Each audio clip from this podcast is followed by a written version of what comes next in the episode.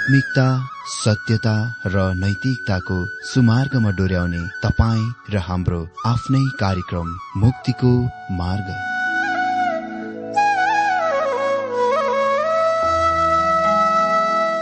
आदरणीय श्रोता यस मुक्तिको मार्ग कार्यक्रममा हार्दिक स्वागत छ। आशा छ यस आत्मिक कार्यक्रमद्वारा जीवनमा आत्मिक आशिष अलौकिक शान्ति र आनन्द प्राप्त गर्नुहुनेछ। र जीवनमा धन्य अनुभव गर्नुहुनेछ। आउनुहोस् श्रोता। मन र आत्माको तयारीको लागि यो मिठो अनि मधुर भजन गीत सुनौ।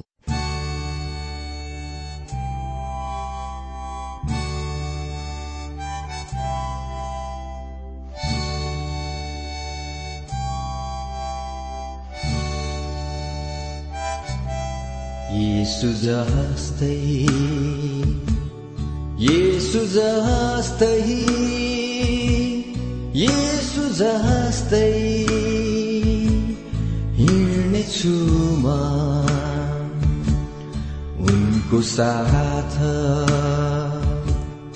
उनको साथ उनको साथ हिँड्नेछु म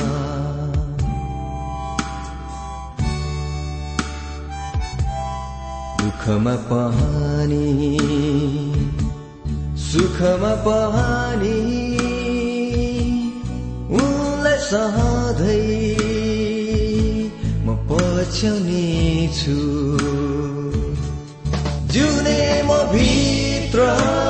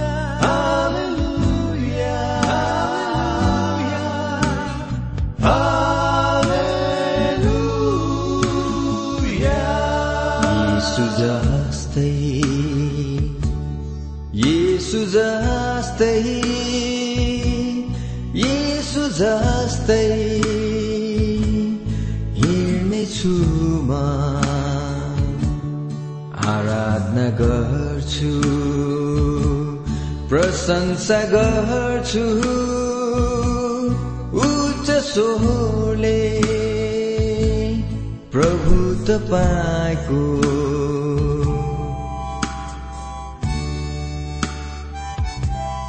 येसु जस्तै येसु जस्तै येसु जस्तै हिँड्नेछु म। जुने म भित्र।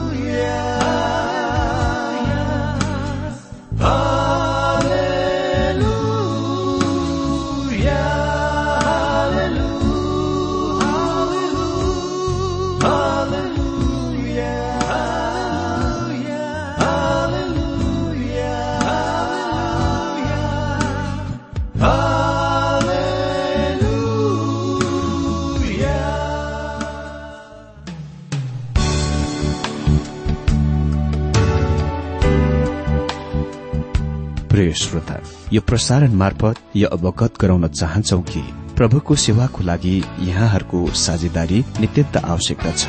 यहाँहरूले प्रार्थनाको साथसाथै आर्थिक सहायता गर्न अनुरोध गर्दछौ।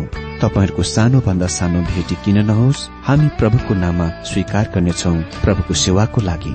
तपाईँहरूको यो सानो लगानीले कसैको जीवनमा भिन्नता ल्याउँछ?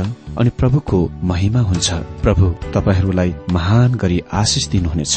इच्छुक श्रोताहरूले तपाईँको इच्छा भेटी हाम्रो ठेगानामा पठाउन सक्नुहुन्छ जुन ठेगाना हामी कार्यक्रमको अन्तमा दिनेछौ।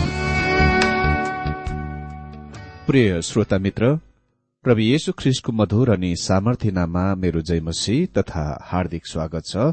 आजको यो बाइबल अध्ययन कार्यक्रममा श्रोता धेरै धेरै धन्यवाद तपाईँहरूका सुन्दर पत्रहरूको लागि एसएमएसको लागि अनि फोन कलको लागि पनि।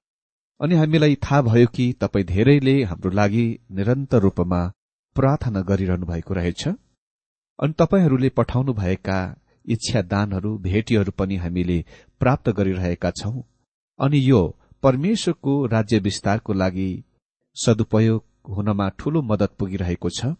परमेश्वरले तपाईँलाई तपाईँको कार्यमा तपाईँको व्यवसायमा पेसामा परिवारमा हरेक क्षेत्रमा आशिष दिनुभएको होस् र आउने दिनमा पनि यसरी नै हाम्रो बीचको आत्मीय संगति सदैव बनिरहोस् अनि तपाईँहरूका सुन्दर पत्रहरूको सुझावहरूको प्रार्थनाको हामी निरन्तर आशामा रहनेछौ अनि तपाईँहरूले आफ्ना सक्दो यो प्रभुको कामको लागि सहायता गर्नुहुनेछ।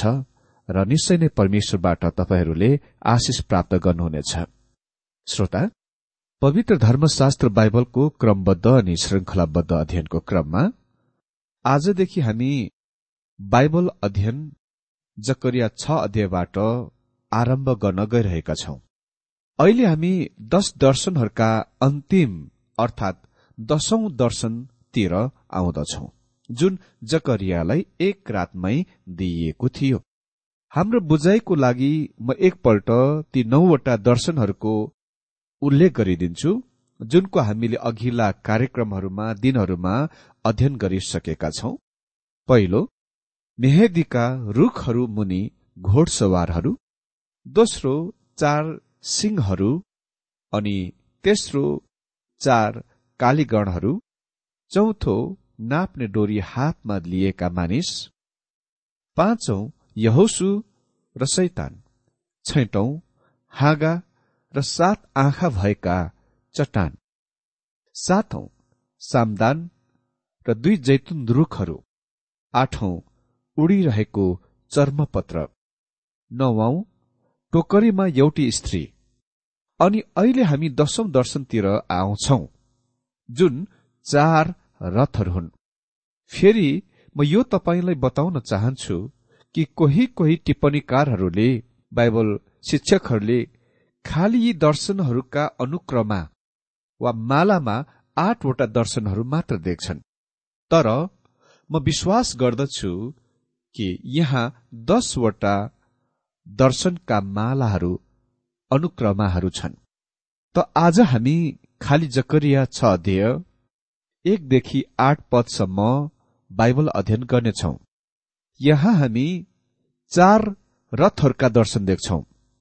जकरिया छ अध्ययको एक पदमा यस प्रकार लेखिएको छ फेरि मैले माथि हेरे र मेरो अघि दुई पर्वतहरूका बीचबाट चारवटा रथहरू आएका देखे।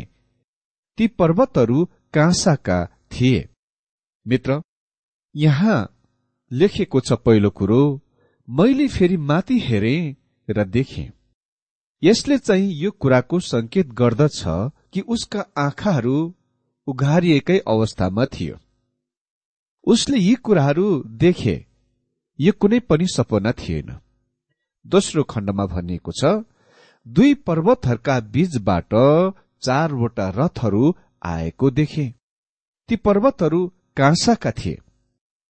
अधिकांश बाइबल विद्वान टिप्पणीकारहरू टीकाकारहरू सर्वसहमत छन् कि यी दुई पर्वतहरू चाहिँ सियोन पर्वत र जैतुनको पर्वत हो। जुनले यी चार रथहरूलाई तल किद्रोन बेसीमा स्थान निर्धारण गर्नेछ। पर्वतका बीचबाट चार रथहरू आए। हामी अनुमान गर्न सक्छौ कि घोडाहरूलाई रथहरूमा नारिएका थिए र ती प्रत्येकको लागि त्यहाँ चालकहरू थिए। हामी अगाडि लगातार पढ्दै जाँदाखेरि हामी यो कुरा पत्ता लगाउँछौ कि यो बिल्कुल सत्य हो। यी रथहरूलाई महान चार विश्व साम्राज्यहरूलाई दर्शाउनेको रूपमा व्याख्या गर्न वा अर्थ लगाउन सकिन्दछ जुन दानियलले उसको आफ्नो दर्शनमा देखेका थिए। ती सबै अन्य जाति साम्राज्यहरू थिए र ती सबैलाई परमेश्वरद्वारा दण्डित गरिए।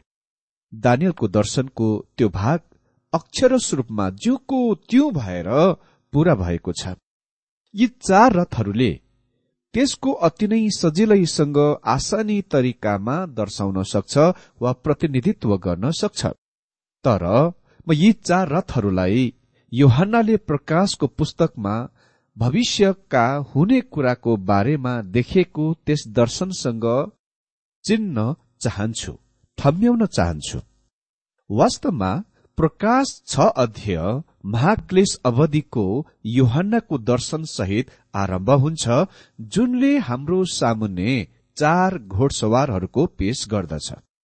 अनि जकरियाका चार रथहरूको दर्शनहरू र यहाँ प्रकाश छ अध्यायमा उल्लेखित चार घोडसवार बीच अति नै मिल्दोजुल्दो कुरा छ।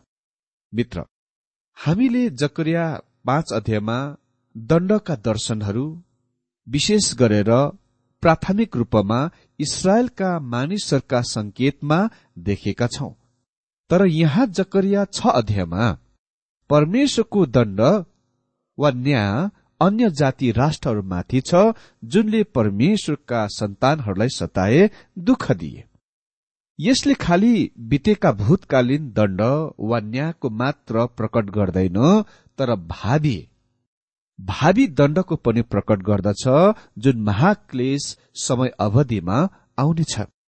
भनिएका छन् ती पर्वतहरू काँसाका थिए। अमित्र यहाँ उल्लेखित काँसा चाहिँ अक्षरस रूपमा तामा थियो।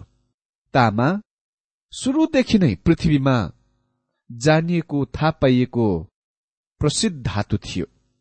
हामी पछाडि इतिहासमा उन्नत्तर प्रस्तर युग र पाषण युगको प्रथम चरणको अवधिहरूतिर हामी लगभग सभ्यताको आरम्भमै तामा प्रकट भएको पाउँदछौ। प्रतीकात्मक रूपमा तामालाई पुरानो नियममा दण्डको न्यायको प्रतिनिधित्व गर्न वा दर्शाउनलाई प्रयोग गरिएको छ। यो एक धातु थियो। जुनको भेट हुने पाल अर्थात् पवित्र वासस्थानहरू भन्छौ ती वासस्थानहरूका चाहिने फर्निचरहरूमा ती दुई सामानहरू प्रयोग गरिएको थियो। पवित्र वासस्थानहरूमा चाहिने फर्निचरहरूका ती दुई सामानहरूमा प्रयोग गरिएको थियो। जुनको पापको दण्डमा प्रयोग गरिएका थिए। तामाको वेदी तामाबाट बनाइएको थियो र पानी राख्ने तामाको भाँडा तामाबाट बनाइएको थियो। यी दुवै सामानहरू भेट हुने पाल अर्थात् पवित्र वासस्थानको बाहिर चोकमा राखिएको हुँदथ्यो। अनि यो दुवैसँग राख्नुपर्ने सरोकार मानिसको पापको दण्डसँग थियो। जबकि यो दर्शनमा पर्वतहरू तामाका पर्वतहरू भएकोले गर्दा यसले यो संकेत गर्दछ कि यी पर्वतहरूले दण्डको बारेमा बताउँदछ।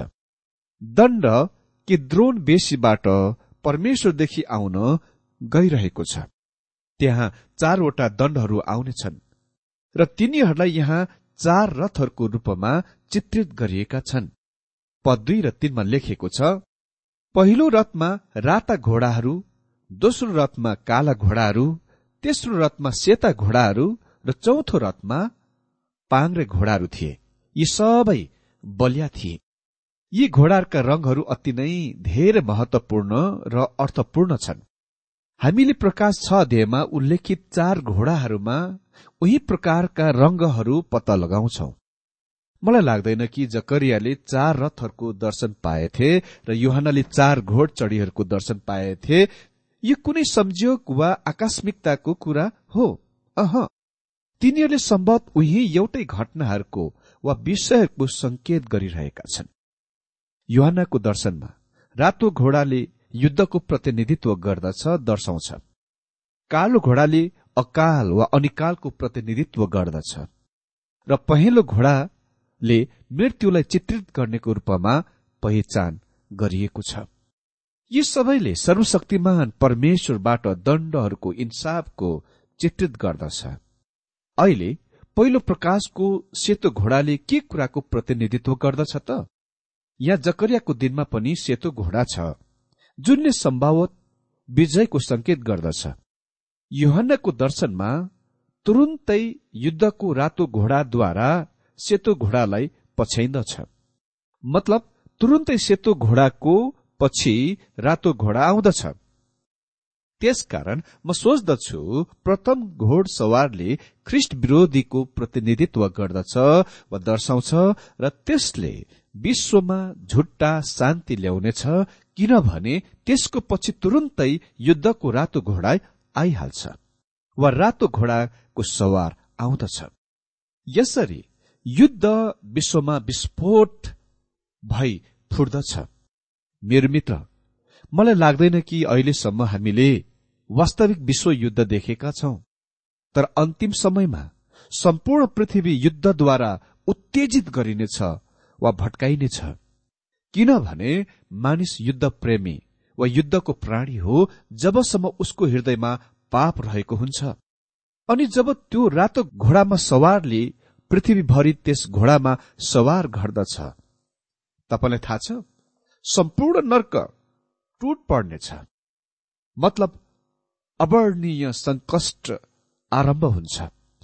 मलाई यस्तो देखाइ पर्दछ कि आज त्यति मानिसहरूले यस कुरामा जोड दिइरहेका छैनन् कि महाक्लेश कति भयंकर हुन गइरहेको छ जब त्यो यस पृथ्वीमा शुरू हुनेछ वा यस पृथ्वीमा टुट पर्नेछ जकरियाको दर्शनका फुस्रो रंगका पाङ्रे घोडाले प्रकाशको पहिलो घोडाको अनुरूप हो। यो दशौं दर्शन जकरियालाई उसका मानिसहरूको उत्साहको लागि दिइएको थियो। यो कुरा थाहा गराउँदै कि परमेश्वरले अन्य जाति राष्ट्रहरूलाई पनि न्याय दण्ड दिनुहुनेछ जस्तो कि उहाँले आफ्नै जन इसरायलीहरूलाई दण्ड दिनुभएको थियो। चार अनि पाँच पदमा यस प्रकार लेखिएको छ मसित बात गर्ने ती स्वर्गीय दूतहरूलाई मैले सोधे हे मेरो प्रभु यी के हुन्? ती स्वर्गीय दूतले जवाब दिएर मलाई भने यी स्वर्गीयका चार आत्माहरू हुन्। जो सारा संसारका परम प्रभुको सामुने खडा भएर निस्कि आएका हुन्। स्वर्गीयको चार आत्माहरू हुन्। या उल्लेखित आत्माहरू निश्चय नै स्वर्गीय दूतहरू हुन्। र डेभिड बेरोनको अनुसार चार रथहरूलाई यसरी वर्णन गरेका छन् स्वर्गीय प्राणीहरू वा स्वर्गीय शक्तिहरू यी उहाँका अदृश्य सन्देश वाहक दूतहरू जो सामर्थ्यमा श्रेष्ठ छन् र जो उहाँको उपस्थितिमा उभिरहन्छन् उहाँको वचनको आवाजमा कान थाप्दै सुन्दै अनि त्यसपछि उहाँका आदेशको पूरा गर्न हावाहरू जतिकै छिट्टो स्वैच्छिक आज्ञाकारितामा जाँदछन् वा अगाडि बढ्दछन्। अर्को शब्दमा स्वर्गीय दूतहरू दण्डहरूका इन्चार्जहरू हुन् जुन अन्य जाति राष्ट्रहरूमाथि आउन गइरहेको छ जुन हामी प्रकाशको पुस्तकमा पनि देख्छौ। अहिले हामी व्याख्या वा अर्थ खुलाइको पाउँदछौ। छ र सात पदमा लेखिएको छ काला घोडाहरू भएको रथ उत्तर देशतिर जान्छ सेता घोडाहरू भएको रथ पश्चिमतिर जान्छ र पाङ्रे घोडाहरू भएको रथ दक्षिणतिर जान्छ। जब ती बलिया घोडाहरू बाहिर निस्के तिनीहरू चारैतिर जानलाई तम्सिरहेका थिए। तिनले भने पृथ्वीका चारैतिर जाऊ। तब तिनीहरू पृथ्वीका चारैतिर गए। मित्र कालो र सेतो घोडा उत्तरको देशतर्फ जानेछ र पाङ्रे चाहिँ दक्षिण देशतिर लाग्दछ। अनि पद आठमा लेखिएको छ तब तिनले कराएर मलाई भने हेर ती उत्तरको देशतिर लाग्नेहरूले मेरो आत्मालाई त्यहाँ आराम दिएका छन्। मित्र म तपाईँलाई भन्न चाहन्छु यहाँ दिशाहरू दिनको साधारण कारण यही हो कि तिनीहरू इसरायलबाट पूरा सम्पूर्ण पृथ्वीभरि जानेछन्। यसले यो भन्छ कालो र सेतो घोडा उत्तर देशतिर लाग्छ। म व्यक्तिगत रूपले विश्वास गर्दछु कि महाक्लेश कालको अवधिको दण्ड रूस तल इसरायलको मुलुकको विरूद्धमा झरी आउने कुरासँग आरम्भ हुनेछ। त्यसकारण दण्ड सर्वप्रथममा उत्तरको देशतिर नै जान्छ अर्थात् उत्तरमा गग र मागोकतिर जान्छ। दण्ड दक्षिण मिश्रतिर पनि जान्छ तर यो कुराको थाहा पाऊ कि यहाँ घोडाहरूको सवार यहाँ मुख्य विषयवस्तु वा मामला होइन। प्रकाशको पुस्तकमा हामीलाई महाक्लेश अवधिमा एकपछि अर्को एक संकष्टपछि अर्को संकष्ट घट्ने घटनाहरूका माला वा अनुक्रमहरू दिएका छन्। जब सेता घोडा सवार गरिन्दछ त्यस सेतो घोडामा सवारीले विजय ल्याउनेछ जुन यो पृथ्वीमा झुट्टा शान्तिको स्थापन गर्नेछ। विश्वले सोच्नेछ कि त्यो मसिहाको हजार वर्षीय आदर्श राज्य युगमा प्रवेश गरिरहेका छन् जबकि वास्तवमा विश्व महाक्लेश अवधितिर प्रवेश गरिरहेका हुनेछन्। सेता घोडाको पछि तुरुन्तै त्यहाँ युद्धको रातो घोडा आउनेछ। युद्ध विश्वव्यापी रूपमा विश्वभरमा टुट पर्नेछ। विश्व भई आरम्भ हुनेछ। त्यसपछि युद्धको रातो घोडा पछि तुरुन्तै अनिकालको कालो घोडा निस्किआउनेछ सामान्य गरी युद्धपछि त्यहाँ अनिकाल हैजा महामारी र मृत्यु पछ्याउँछ। मतलब यी कुराहरू युद्धपछि सामान्य गरी आउँदछन् जुनलाई चाहिँ चौथो पहेँलो घोडाद्वारा चित्रित गरिएको छ। यसको तुलनामा ठिक विपरीत उल्टो चार रथहरूका दर्शनहरूमा जुन जकरियालाई दिइएको थियो अनुक्रम माला त्यति महत्वपूर्ण कुरा होइन। बर मुख्य जोड चाहिँ यस तथ्यमा हो कि परमेश्वरले सम्पूर्ण पृथ्वीका राष्ट्रहरूलाई दण्ड दिन न्याय गर्न इरादा गर्नुहुन्छ। अनि चार रथहरूले ती दण्डहरूको ती न्यायहरूको प्रतिनिधित्व गर्दछ दर्शाउँछ। ती सबै दण्ड महाक्लिस अवधिको बेला स्थान लिँदछ। जसैले जकरियाको दश दर्शनहरूको यसले अन्त गर्दछ। अमित्र म आशा गर्दछु तपाईँले यो जकरियाको दश दर्शनहरूको बारेमा राम्ररी बुझ्नुभयो। परमेश्वरले आजको यो बाइबल अध्ययनद्वारा हरेकलाई धेरै धेरै आशिष दिनुभएको होस्।